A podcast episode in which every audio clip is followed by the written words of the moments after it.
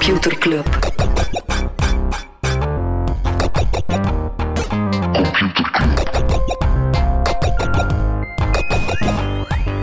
Computer Club. Hey Smolly, Hey Freddy, welkom. Welkom terug. welkom. Welkom bij Computer Club, een wekelijkse podcast over technologie. Iedere aflevering selecteren Freddy en ik een interessant artikel en presenteren we een feitje.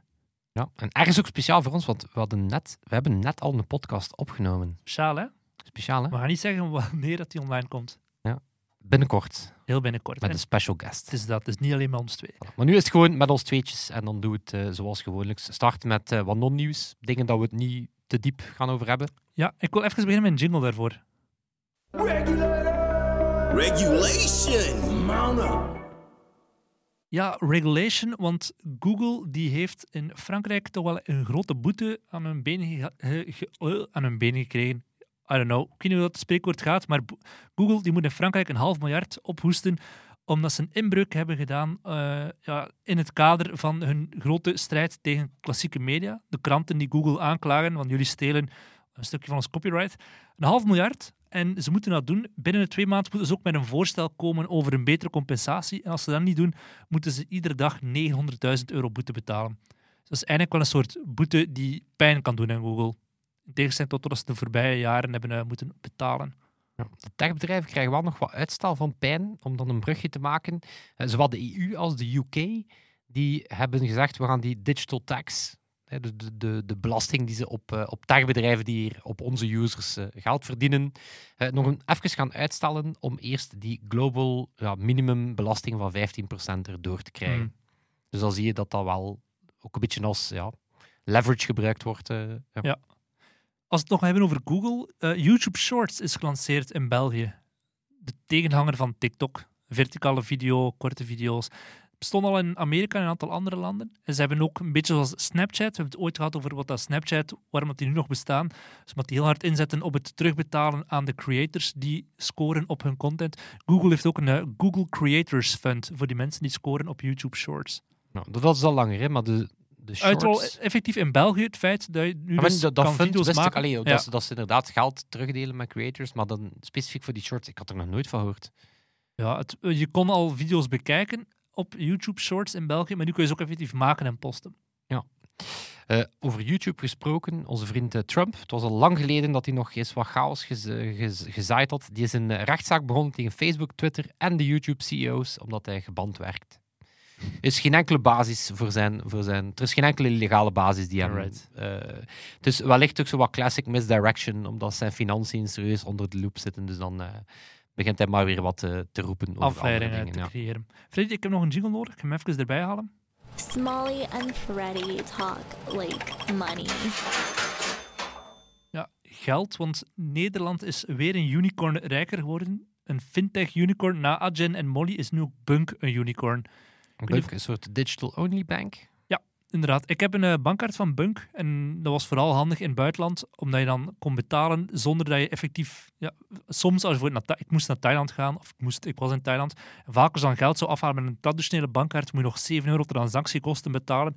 En met die kaart van Bunk was dat gewoon enkel de kost voor de wisselkoers en een heel klein extra bedrag. Dus je moest je niet zo zeggen, zoals je normaal zou doen, ik ga hier 500 euro in één keer moeten afhalen, zodat ik niet elke keer opnieuw die 10 euro transactiekosten betaalde. Met Bunk was dat niet het geval. Maar ja, Bunk is nu dus ook een unicorn, een investeringsronde van 200 miljoen. Dus eh, een Heftig. huge, huge ding. Heftig. Over geld gesproken. ehm met al dat gedoe rond NFT's zouden we vergeten dat het ook zeer hard gaat met de fysieke collectibles. Een, eh, een ja, ongeopend exemplaar van, de, van Super Mario 64 is eh, net verkocht voor 1,6 miljoen. Ik zag het. Ja, en eh, enkele dagen geleden nog was het eerdere record al gevestigd door Legend of Zelda op de eh, Nintendo, op de Super Nintendo, of de Nintendo Entertainment, de NES, denk ik, voor 870.000. Nu, als je denkt, ja, eh, heb ik ook nog liggen, het gaat wel echt over een ongeopend exemplaar, en je zou denken... Met een 9.8 PSA grading. Dus dat betekent dat er gewoon echt geen enkel kreuk in eh, aan zit. Ja, en zo zouden er blijkbaar ook effectief maar vier of vijf exemplaren ter wereld Waanzin, hè? bestaan. Want van dat spel zijn er miljoen verkocht of zo. En dat er dan toch nog eentje van die miljoen zoveel waard is. Ja, zot. Waanzin. Over eh, games die miljoenen verkopen.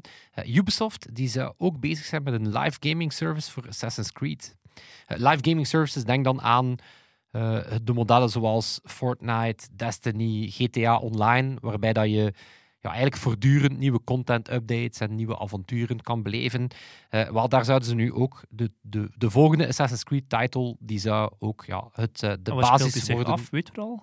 Er zou zich op verschillende regio's, in verschillende tijdsvlakken, inderdaad. eh, Het West-Vlaanderen van vorige week en het ziet eruit als, ja, als voilà. het Frankrijk van 1600. Ja, en dan heb je ook een modus dat je het West-Vlaanderen van volgende week kan ervaren. Dus, Het ziet hetzelfde uit. quasi een boer die met een patattenveld aan de beoogsten is. Voilà. Ehm, ik heb trouwens net een brugje laten liggen over, Oh, eh, shit. over stories en, eh, en creators.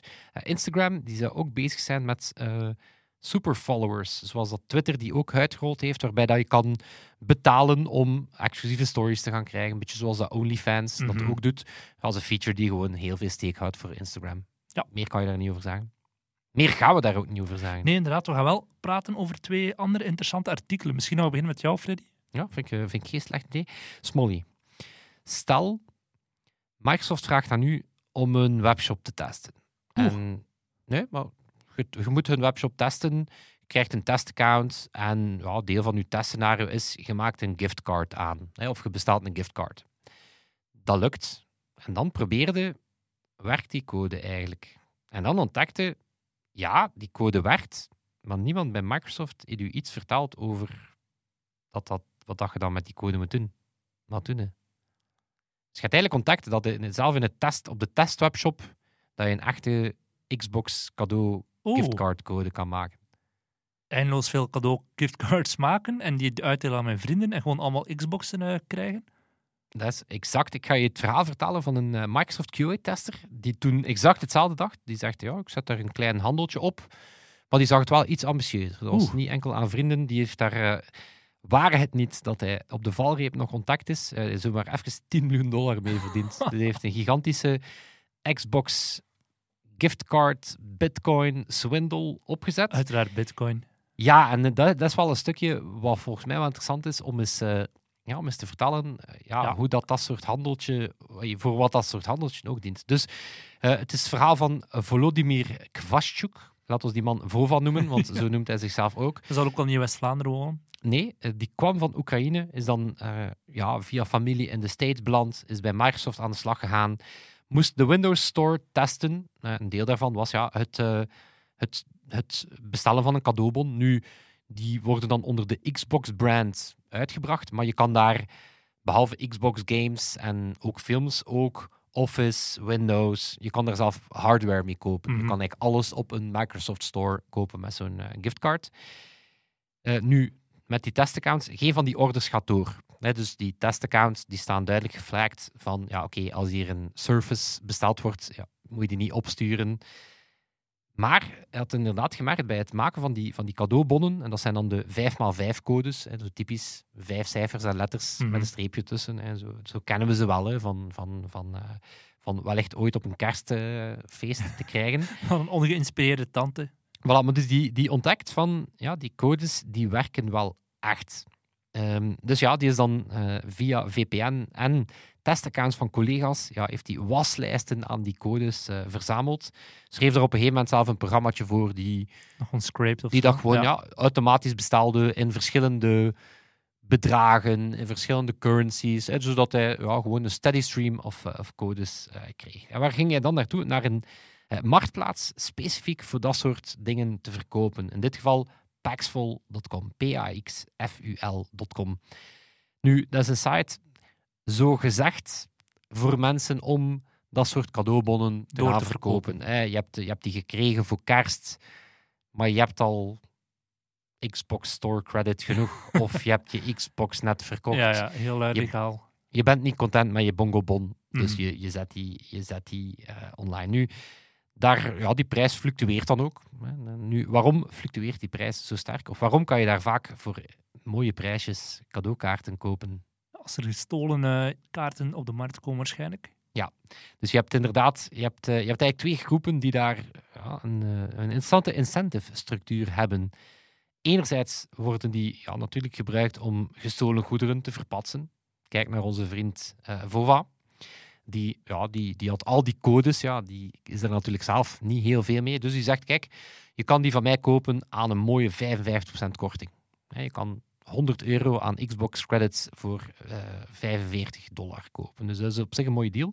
Nu, de partij die die koopt, heeft meestal ook een reden om, ehm, om dat geld daar uit te geven. Ja, met name, het is geld dat witgewassen moet worden. Mhm. Dus daar zitten dan vaak malafide actoren op.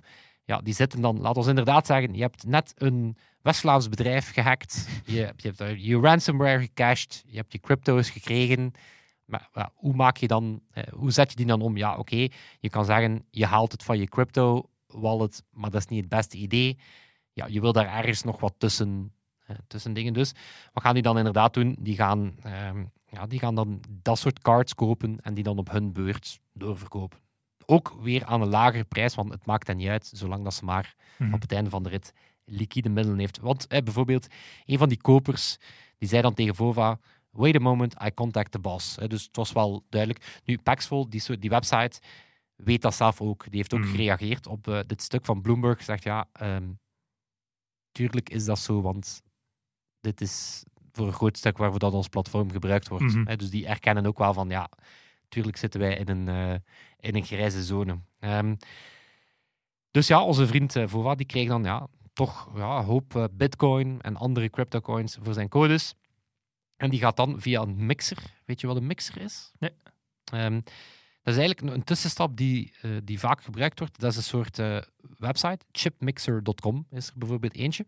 En die gaat zorgen dat er tussen het feit dat jij jouw crypto hebt en dat je die op je eigen wallet krijgt en dat je die dan ook kan omzetten naar gewone dollars, ja, die gaat eigenlijk een heel spoor van valse transacties. Inderdaad, die gaat een beetje zoals dat je eilanden, bedrijven op Mhm. eilandengroepen hebt, maar die gaat eigenlijk een heel spoor van die gaat van die 10 bitcoins, die gaat dat dan omzetten in tal van andere kleine coins, heel wat transacties doen, waardoor dat het spoor Ja. moeilijk te traceren is. Dus dat ze moeilijk kunnen zeggen van, ah ja, oké, die code is toen verkocht en Smolly Ja. Heeft plotseling 100 dollar op zijn rekening. Ik vind dat wel raar. Hè? Dus Mhm. die, die creëert een soort, eh, soort eh, vals, valse sporen. Dus ja, dat is wel waarvoor dat heel veel van die marktplaatsen, bijvoorbeeld ook die cosmetics, dat je dan in Counter-Strike en andere, ja, waarom gaan die voor zo heel veel geld verkocht worden? Ja, dat dat natuurlijk manieren zijn dat je, Geld kan witwassen. dat je geld kan witwassen, hè? dat je geld dat eh, misschien niet de netste oorsprong heeft, dat je die wel vers gewassen op je rekening kan, Mhm. kan ontvangen. Maar ja, onze vriend Vova, ja, wat deed hij met al dat geld? Er meer willen, hè, ja. Dus eh, hij begon vrij klein en dat ging dan over ja, enkele tientallen codes. Maar die honger die werd al snel groter. In totaal zijn er eh 152.000 Wat? giftcards aangemaakt en verkocht. En Er is niemand bij Microsoft die plots denkt, maar er is plots een heel grote spike in het aantal codes dat verkocht wordt. Ja, wel. ehm, ik ga zo meteen zeggen hoe dat de aap uit de mouw gekomen is. Iemand bij Microsoft en niet zomaar iemand. Bill Gates himself. Bijna. Wow! Ehm, nee, dus, maar dus, om dat te zeggen, eh Vova was dermate eh megalomaan dat hij op een gegeven moment was hij eigenhandig verantwoordelijk voor schommelingen in de streetprijzen van Microsoft Export Cards. Dus die, die had een dermate grote impact op die markt dat hij als de prijs te laag stond, even moest wachten. Dus die, Mhm. ja, die, die, dat was alsof dat hij op zijn eentje de hele oliehandel aan, Ja, eh, aan het regelen was. Ja, ook dikke Tesla gekocht. Ook een huis aan het meer in Redmond, Washington gekocht voor 1,6 miljoen. Ehm, en om het dan af, om te zeggen hoe, hoe groot dat hij het was zag, nadat hij gepakt is, hebben ze bij hem thuis een, eh, een lijstje gevonden. Eh, een soort lijstje. En dat was How I Will Manage My Next 10 Million. En daar stond dan op 4 miljoen voor een huis op Hawaii. 1 miljoen voor een huis bij de skiliften. En ook mijn favoriet, één jacht. Eén. Ja. ja. Dus echt zo, die, die schreef een soort boodschappenlijstje. Één jacht. Ja. Oh god. Ehm, maar natuurlijk, het feit dat we dit verhaal vertellen, eh, betekent dat onze, onze copain is natuurlijk gepakt. Ehm, enerzijds omdat bepaalde van die codes dan toch niet gingen werken, Mm. eh, waardoor dat een aantal van die kopers gingen klagen bij Microsoft. Dus ze kregen een aantal klachten binnen van codes die niet werkten. Nu, anderzijds hadden ze gemerkt dat er in een bepaalde periode eh, dubbel zoveel aankopen waren met giftcards als in andere perioden In vergelijkbare periode vorig jaar. vorig jaar. Dus toen wisten ze, we hebben een bad actor. Mhm. Ehm, enter, Bill Gates. nee, nee, nee. Oké, het Het is niet Bill Gates, maar denk Marvel Universe. Enter the Fraud Investigation Strike Team. Kortweg, Friss. Nee. FIST. Fist. Oh my het god. FIST-team. En in het FIST-team Oh zit God. Andrew Cookson. En die is de ex-computer specialist van Scotland Yard. Damn. Dus ja, voilà, ze hebben daar een... eh, Ik zie nu zo'n Nick Fury type voor hem met zo maar één oog en een eh, ooglapje. Ja, was het, dat kan je dan doen. Dus ja, die heeft natuurlijk ehm, al vrij snel de testaccounts gevonden die gebruikt Mhm. werden, eh, die meteen geblokkeerd. Die hadden toen ongeveer 8 miljoen aan giftcards al neergesluist. De derde account is toen op minder dan 36 uur nog eens 2 miljoen extra giftcards gaan maken. Dus het net begon zich te sluiten. Ze hebben de mensen achter die accounts ondervraagd. Nu, die wisten duidelijk van niks. waren echt QA-testers. Dus Microsoft heeft blijkbaar een soort ja, Fiddler heet dat programma. En dat, dat, maakt dan logs aan van alles dat gebeurt. En daar staan dan blijkbaar ook die logins in. Hm. Mijn inf, infosecurity onderontwikkeld deeltje van mijn brein denkt dan, hm, tja, toch raar dat daar accounts, zelf voor testaccounts, accountdata in een logboek staat. I don't know. Hm. Zwat, ik weet er niet genoeg van. Eh, maar die, ja, dus die, die, ja, die wist onmiddellijk van oké, het net sluit zich. En dan heeft onze vriend ja, iets heel doms gedaan. Eh, een van die codes, want op een gegeven moment kon ze ja, isoleren van over welke codes gaat dat hier. Een van de eerste codes die ooit eh, omgezet werd, werd, was een soort ja, test die hij zelf gedaan had van werken die. En hij heeft toen een, eh, een van zijn eerste giftcards ingeruild als test voor een Office-licentie. En die heeft hij op zijn eigen naam op Spreadsheet zijn eigen naam de- en ja, contractor oh gezet. Dus ja, toen hebben ze hem eh, ja, ondervraagd, was het heel duidelijk. Ehm, Daar zat hij dan inderdaad, kwam toe met zijn Tesla op de ondervraging. ja, ja, zo op zijn jacht. Zo, ik weet Ja. niet waarover dat dit gaat. Ja, FBI is daar binnengevallen en hebben USB-sticks vol met codes gevonden. Wat zo'n beetje het equivalent is van koffers met cash Ja. onder, je, onder je bed. Maar zijn verdediging is, ehm, behalve zijn toekomstplannen, die ja, best schattig en ook wel wat grappig zijn, is zijn verdediging dat ook. Hij beweerde bijvoorbeeld dat hij al die codes, ja, die gingen gewoon naast zijn tv als hij samen met zijn vriendin een film wou huren. Ja, tuurlijk. Dat is, dat is ook de reden dat ik 10 miljoen euro aan, aan PlayStation Store credit heb. Van ja, oké, als je dan een film wilt eh, huren. Ehm, maar ook een paar andere hilarische eh, statements die hij effectief in de rechtbank gebruikt heeft. Het ging niet over echt geld. Ja, dat Tuurlijk, gaat ja. niet over echt geld, dat gaat over cadeaubonnen. Dus ja, zo een beetje het monopoliegeld. eh heeft er wel een dikke villa mee kunnen kopen Mhm. met dat monopoliegeld. Eh, maar dit is mijn favoriet. Hij deed het om te helpen. Ja, tuurlijk. Het was om de winkel populair te maken. Eh, the more freebies Xbox gives away, the more popular the platform would be, increasing overall spending. So, my logic went, why not give away tens of thousands of free Xbox gift cards to test if that somehow boosted engagement and sales down the road? Growth hacker van het jaar. Een beetje de. Robin Hood van zijn generatie. Ja, nee, ook eh, Microsoft kan alleen maar blij zijn met zo'n meedenkende, creatieve, loyale Marketeer. Eh, of het, op, op, op de aanklacht dat hij ja, accounts van zijn collega's had eh, misbruikt. Dat is geen identity theft, want het waren valse accounts. Ja. Oké, eigenlijk heeft hij wel een punt. Ehm, maar het eerlijk, de eerlijkste analyse is wellicht die van de detectieve van Andrew Cookson van het FIST-team. Eh, die zei van, ja, it's a bit like playing a character in Grand Theft Auto. You just get carried away by the chance to become an instant Mhm. millionaire. Ja, maar Vova heeft zich even, ja, even mispakt. En mispakt heeft hij zich gedaan, want hij zit nog in de bak tot Ai, ai, ai. 2027. Oei, en moet dan oei. 8 miljoen teruggeven. Dus ergens is er wel 2 miljoen Verdwenen zakken. van dat monopoliegeld. Eh ja, Oké. voilà. Maar dus een handeltje in Xbox-kaarten. eh, maar dan weet je ook perfect ja, hoe, dit, eh, hoe criminele organisaties geld witwassen. Zou jij vijf jaar in de bak willen gaan als je weet dat je op het einde van de rit 2 miljoen krijgt? Dat klinkt als het begin van een serie. Ja, of het verhaal wat dat de jongen Hadden vragen om, hadden mij vragen om vijf jaar voor u in de bak te gaan, maar we dat wel 2 miljoen euro geven. Misschien. Wie is Thomas Ik heb Smolders? nog wat bongobonnen liggen. eh. Wie is Thomas Smolders? ik wil witwassen. Oké, kan. Nee. Ik zou niet voor 2 miljoen euro vijf jaar in de bak gaan zitten. Ja, nee, ik ook niet. Ik zou voor 1 miljoen euro vijf jaar in de bak gaan zitten. Because I'm cheap like that. tien jaar. Cheap like that. Alright. Vind je, ik ben ook cheap. Het enige wat ik nodig heb en over een brokje kennis is een, eh, een jingle. Ja, zet uw eigen jingle op. Computerklas. Yes, Freddy, ik heb eigenlijk twee weetjes. Het ene is eigenlijk echt een weetje, het andere is gewoon grappig. Ik wist niet waar ik moest kiezen, dus ik ga beginnen met het echte weetje, want dat is toch een beetje het principe van deze rubriek. Ehm, het Computer Command System aan boord van NASA's Voyager 2 is de oudste computer ter wereld die nog steeds dagelijks gebruikt wordt. Hoe oud is dat ding? Ja, ter wereld. Het is eigenlijk niet eens ter wereld, want het zweeft in de lucht. Maar Hoe oud? Eh, Voyager is eh, 78. Allee, acht- uit 1978. 77, godverdomme, Freddy. Ja, effectief, sinds 1977. Niet voorbereid. Nee, jawel. Effectief, ja, die computers die gebruiken, worden altijd gebruikt. Dat zijn twee computers die ofwel simultaan ofwel afzonderlijk aan taken kunnen werken. En ze hebben elk een geheugen vast van 70 kilobyte. Wat dat wel een probleem is bij de NASA. In eh, 2015 is Larry Zattarelli, of Zottarelli op eh, pensioen gegaan. En was eigenlijk een van de enige programmeurs die nog goed tot in de core wist hoe dat die toestellen werkten. Dus de, ja, dat is dus wat er gebeurt als je vertrouwt op van die hele oude software. Op een bepaald moment gaan al die mensen op pensioen en dan zit je daar met een systeem. K- Kan het zijn dat ik ooit foto's gezien heb dat ehm, die computersystemen, die werken nog zo goed. Ja, die zijn gewoon super efficiënt geschreven. Maar ze durven die niet virtualiseren. Hè. Ze durven die niet... Hè, want eigenlijk kan je perfect zeggen, dat programma, hè, we Mhm. zetten dat op een... eh, dus op dit moment zijn er twee computers bij NASA die gewoon aan blijven staan. Waar dat die computer... Echt waar, echt waar, dat zijn zo twee oude computers, die staan daar gewoon met een bordje bij...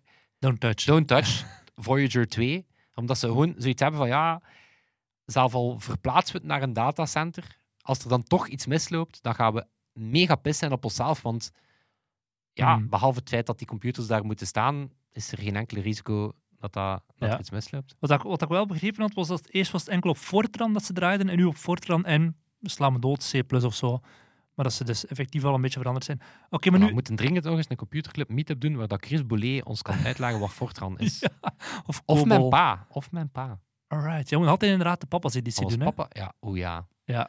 Niet alleen gaan we ons vaders uitnodigen voor de meetup die we binnenkort hopelijk gaan doen, maar we gaan ook ons vaders gewoon eens uitnodigen. in de Ja. Podcast. Gaan- Nee, of nog beter, we gaan die gewoon samen een podcast laten doen zonder dat wij erbij zijn. Amai. En ook opnieuw, ah nee, Freddy kan niet zeggen, het is wel smolly bij mij. maar- Ik heb ook, ik zei het, ik heb twee weetjes. Ik heb nog een, eh, iets helemaal anders gevonden. Er is een Twitter-account dat heet Weird Spotify Playlists. En eh, dat zoekt gewoon naar Spotify playlists met een grappige naam en een grappige inhoud. Bijvoorbeeld Music for When I Decide That I Don't Like Music Anymore. Die eh, bevat twee nummers, zijn Music Sucks en I Hate Music. Dan heb je de Sex Playlist met daarin drie nummers. I'm Gonna Have Sex, Having Sex en I Just Had Sex. Of eh, How to Breathe met twee nummers Inhale en Exhale. Of eh, persoonlijk favoriet Point of View, You Wake Up to a Bulgarian Nissan 240 in Your Room met daarin zes nummers. What the fuck? Bulgarian Nissan 240 in my room. That's nice. Dat is nou zo, het geeft u dan ook een Ja, gevoel. ja. Of eh, Songs that Spotify doesn't have en die is leeg. Is eh, Ik heb fantastisch. zo één, één, één, één playlist en als ik ooit onterecht van een moord verdacht word, dan ga ik daardoor extra verdacht zijn. En dat is, eh, die playlist noemt ook letterlijk moordmuziek. Hm. En dat is zo van die een angry oppep music. Zo, hè, daar zijn soms use cases voor. Maar mijn designprincipe is... Ik heb net ontdekt dat mijn lief mij op de lelijkste manier ooit aan het bedriegen is. En ik ga ze natuurlijk gaan afmaken. Mhm. Maar ik moet eerst nog even in de auto gaan zitten. Ik moet de ring van Brussel voorbij in Spitsuur. Ja. Dus ik moet ongeveer die woede twee uur vasthouden. Oké. Die playlist. Moest er een agent van Angels of Fist aan het luisteren zijn? Dit is You got him. Dit is het spoor. ik ben ooit, ooit door Spotify trouwens... Heb je ooit dat verhaal verteld van Careless Whisper? Eh, nee. Dus ik, eh, Ik weet dat je, ja, ik, ken je playlist. Maar... Ja, dus je, je, je krijgt dan je jaaroverzicht hè, van Spotify. En eh, bij mij, en ik ben vrij zeker dat daar iemand van Spotify specifiek een stukje voor geschreven heeft. Hè, zo. Ehm, ik ben ooit toegekomen van op oudjaarsochtend, hè, zo na het eh, oudjaarsnachtfeest. En ik heb toen voor een of andere reden acht keer Careless Whisper van George Michael beluisterd. Een of andere reden, alsof je dat niet elke avond doet, Freddy. Ja, maar toen acht keer na elkaar. En toen zat er in dat jaaroverzicht... eh, you started the year by listening to... en dan Spotify wants to ask, are you okay? Ik ga het antwoorden eh, van Spotify. No, he's not okay. Alright. Oké, Smolly zegt twee, amai, twee weetjes voor de prijs van één. Ik vind dat wel even... eh, Ik heb een artikel ook gelezen in MIT Technology Review. Een artikel dat vertelt dat er steeds meer startups focussen op de combinatie van AI en voice technologie. En bijvoorbeeld least surprising insight ever. Ja, inderdaad. Maar het is, er komt nog een interessante clue natuurlijk. Hè. Er is bijvoorbeeld Het is voor Wellset Labs. Het u overachieved met uw, met uw weetje. Oh. Dan ga ik extra kritisch zijn voor Pak. het stuk. Hè? ja. Wel, goed nieuws is, binnenkort gaan we niet meer zelf deze podcast moeten doen, want ze gaan AI dat voor ons kunnen doen. Nee, eh Wellsit Labs die heeft bijvoorbeeld stemmen van mensen die gebruikt worden voor e-learning platformen van grote bedrijven. De combinatie, vroeger, als je text-to-speech wilde doen, vroeger moest je als stemacteur heel veel woorden op heel veel verschillende manieren inspreken. Je merkt bijvoorbeeld in, in FIFA-games, als eh Benteke een aanval doet, dan zegt dat, die, die stem, Benteke, Benteke, gewoon hetzelfde woord, maar op twee manieren ingesproken. Wel, die nieuwe doorbraken op vlak van Dan voice-technologie, nog een tussenstapje gehad. Hè? Dat is zo fonemen. ja, zo, ah, eh, i, en dan gaan Ja, ze dan, zo zelf zo een beetje daar, dat was plakken tot een en woord. Bekend om. Hè? Dat, ze, Ja. dat ze eigenlijk door eh, Libelia de Splinter... Die wordt eh, vermeld ook naar mijn hier. Oh man, ik heb het hier alweer verpest. Nee, wel, dus nieuwe technologische doorbraken die, die zorgen ervoor dat ze van die artificiële ins- stemmen veel makkelijker kunnen maken en dat ze bijvoorbeeld ook eh, op een natuurlijke manier gaan pauzeren of ademen of bepaalde emotie gaan toevoegen. En, en het gaat wel ja, op, op heel korte clips van bijvoorbeeld een half minuut ga je het verschil gewoon niet meer merken. Want, eh, nu hebben ze met een paar uur aan audio echt al genoeg om, om zotte realistische stemmen te gaan maken. Die Wellset Labs die gebruiken voor twee al- algoritmes. Het ene om zo ruw het timbre en het accent zo te gaan bepalen. En het tweede algoritme dat erbij komt kijken, die gaat echt gaan letten op details zoals ademhaling, resonantie, bepaalde twijfelingen in, in een stem. En die consistentie die wordt steeds belangrijker voor merken. Dat ze zeggen van, we willen op alle platformen de gelijke stem of dezelfde stem gebruiken. Omdat ja, opkomst van smart speakers zorgt er uiteraard voor dat dan een merk als een Coca-Cola of NMBS in de toekomst, of om TVA in Amerika bijvoorbeeld, dat die honderden uren aan audio moeten produceren per jaar, die wel consistent moet zijn voor de eindgebruiker. Vroeger kon je inderdaad nog zeggen aan ah, Freddy, vanaf nu ben jij de stem van KFC en jij mag hier nu hele dagen lang al deze woorden en al deze zinnen gaan inspreken voor op het wachtwoordapparaat of voor in de winkels, in die schermen of voor op de smart speakers, om tegen welke vraag mij kunnen beantwoorden. Maar dat gaat nu natuurlijk niet meer, want er is zoveel werk daarvoor. En het is ook niet meer nodig om terug te vallen op de stemmen die Apple sowieso al daarvoor voorziet, of Google. Je hebt dan zo de Susan of Mark, of eh, je hebt zo drie, vier stemmen waaruit je kan kiezen. Maar uiteraard, je hebt zo'n concept, dat heet Sonic Branding. Eh, Als merk wil je niet meer enkel een visuele huisstijl hebben, maar ook een auditieve huisstijl. En daar komt zo'n AI-voice compleet toe, eh, ja, compleet op het juiste moment natuurlijk. hè. Ook omdat je dan, dan naar lokale markten kan gaan aanpassen. Je kan zeggen, dit is Freddy hoe dat hij in Spaans klinkt, dit is Freddy hoe dat hij in Frans klinkt. En we moeten nu bijvoorbeeld kunnen zeggen, in de winkel Ik in Gent, mega moeten in om hier niet super racial stereotyping... don't do it. Ik, ik dacht even dat het een bevel was. Van, hier heb je Freddy in... In Frans? in Nee. Ah, Oké, nee, oké. Kan, hè. kon. Nee, maar je kan dan ook op, op, op voor Spotify-advertenties, Freddy, heel... Nou, dat is de Gentse, Fran de Gentse Freddy ligt heel dicht bij de Franse Edi- eh, Freddy. Maar, eh, Wat? wat is de truc? eh, Dat is voor, mij is Frans spreken gewoon zo... eh, eh, Vlasmarkt Freddy om zes uur 's morgens is Franse Dat is Freddy. exact die, dat is exact die Freddy. Oké. Ja. Nee, maar als we, dan, als we dan teruggaan naar een echte use case, advertenties op Spotify, die bijvoorbeeld heel hyper-targeted, dat je kan zeggen, ah, je loopt hier voorbij deze de lijzen, weet je trouwens dat in de lijzen vandaag de kip aan 2 euro korting is, whatever. Vroeger kon dat niet, nu kan je dat perfect met die voice AI kun heel, heel specifiek gaan maken. Andere coole use case is Sonetic. Die werkt voor de gaming-industrie. En voor het karakters, NPC's met heel weinig tekst, kunnen ze al met AI gaan laten die tekst gaan voorlezen. Waar dat zij heel hard op inzetten, is de ehm, emotie die in de stem zit. Vroeger, als je als game developer tekst schreef, dan kon je hoogstens ofwel je tekst zelf een beetje luid op voorlezen om na te gaan van houdt dit steek wat ik hier het zeggen, wat dat, ik- hoe dat ik dit hier neerschrijf. Niet alleen in de gaming, maar ook in de filmindustrie bijvoorbeeld. Als je een scenario schrijft, Daarna kon je laten voorlezen door zo'n Susan of Mark of Siri, die gewoon heel monotoon een tekst leest. Ja, dan weet je, ja, help, help, I'm in danger. Dat klinkt natuurlijk totaal niet als dat, als dat gewoon neutraal voorleest. Dankzij die Sonetic kunnen ze wel zeggen van, hoe gaat dat min of meer klinken als we dat door een stemacteur laten doen nadien die zeer bang is of die zeer vrolijk is. En dan kunnen ze al veel beter gaan, gaan zien van, houdt dit script, of dat nu voor een film of voor een, of voor een game is, houdt dat steek, ja of niet. Obsidian gebruikt het bijvoorbeeld op dat vlak. Maar het grote probleem, en dan kom ik bij een ander stuk dat ik gelezen heb van op Vice, die stemacteurs, die worden nu gebruikt als input. Twee uur of drie uur in een studio booth spreken. En dan kunnen ze eigenlijk elk woord omteven van wel- welke emotie die gaan inspreken. Maar eigenlijk is dat zeer moeilijk om te gaan compenseren van ja, hoeveel, hoeveel euro was dat nu waard, die opnamesessie van twee of drie uur. En dan komen we bij een heel interessante case van TikTok. TikTok die heeft een text-to-speech softwareprogrammaatje op TikTok zelf. Als jij ja, je eigen stem niet mooi genoeg vindt om, om te laten inspreken over een video, kun je zeggen van haha, eh, je typt de tekst en dan wordt die voorgelezen op je TikTok. En, Of als ik op de vlasmarkt sta en het gaat echt niet meer. ja, en dan kan je laten voorlezen. En, En op een of andere manier kan ik nog typen.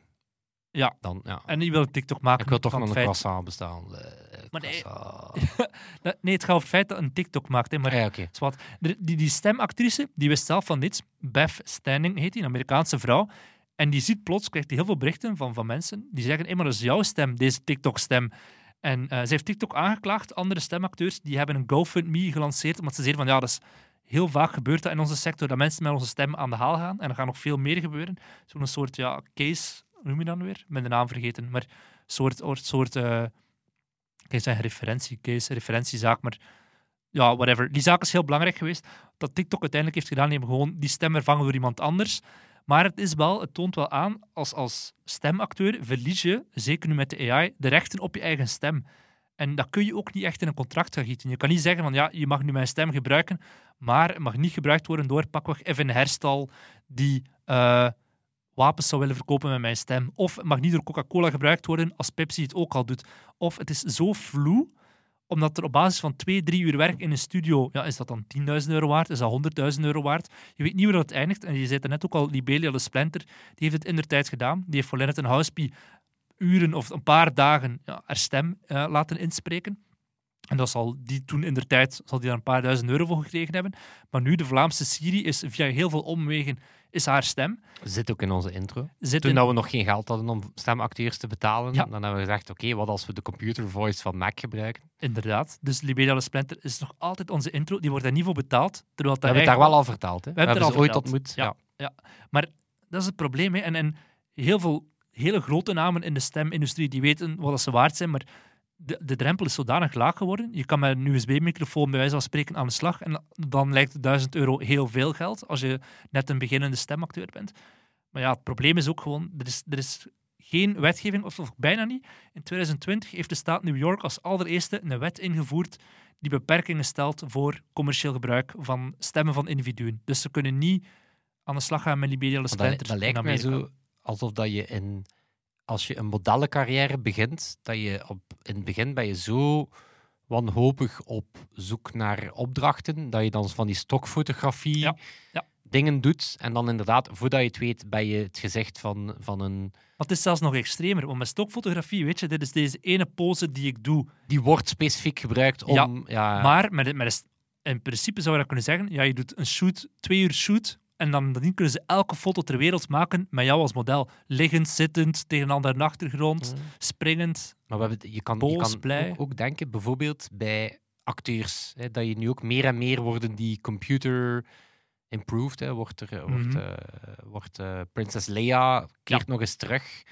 Ehm, en dat zijn ook interessante zaken rond, rond copyright. Van wie, Van wie is je gezicht? ja, stel dat je, eh, dat je acteert in een Star Wars film, mag Star Wars daar dan ooit een, eh, een afgeleide computer-generated serie van maken? Moeten ze jou daarvoor betalen? Ja, ja, ja, want dat is jouw portretrecht.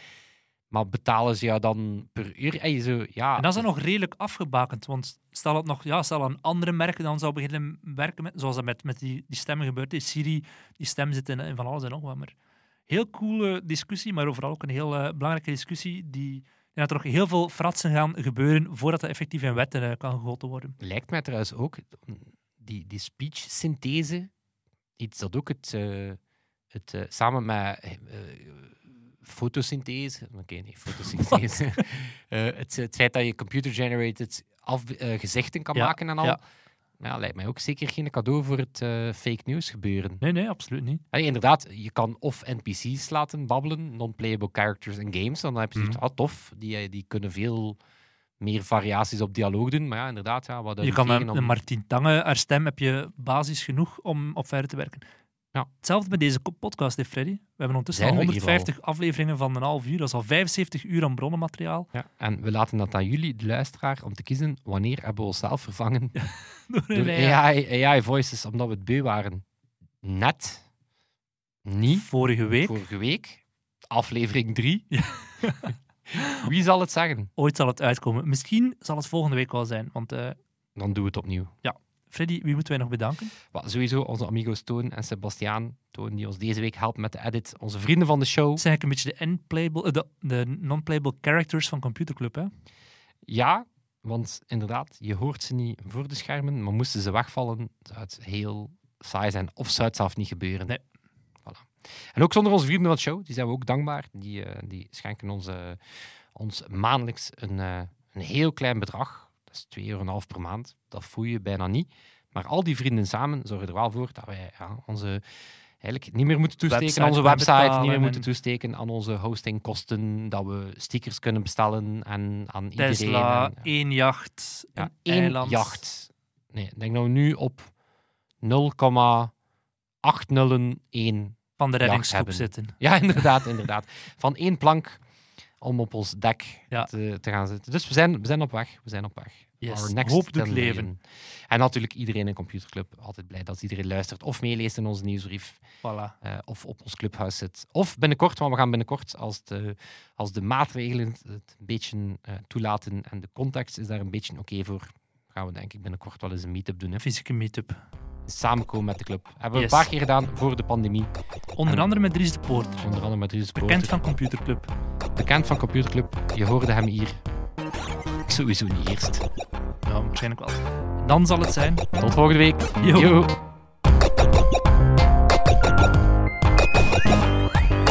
Computer Club.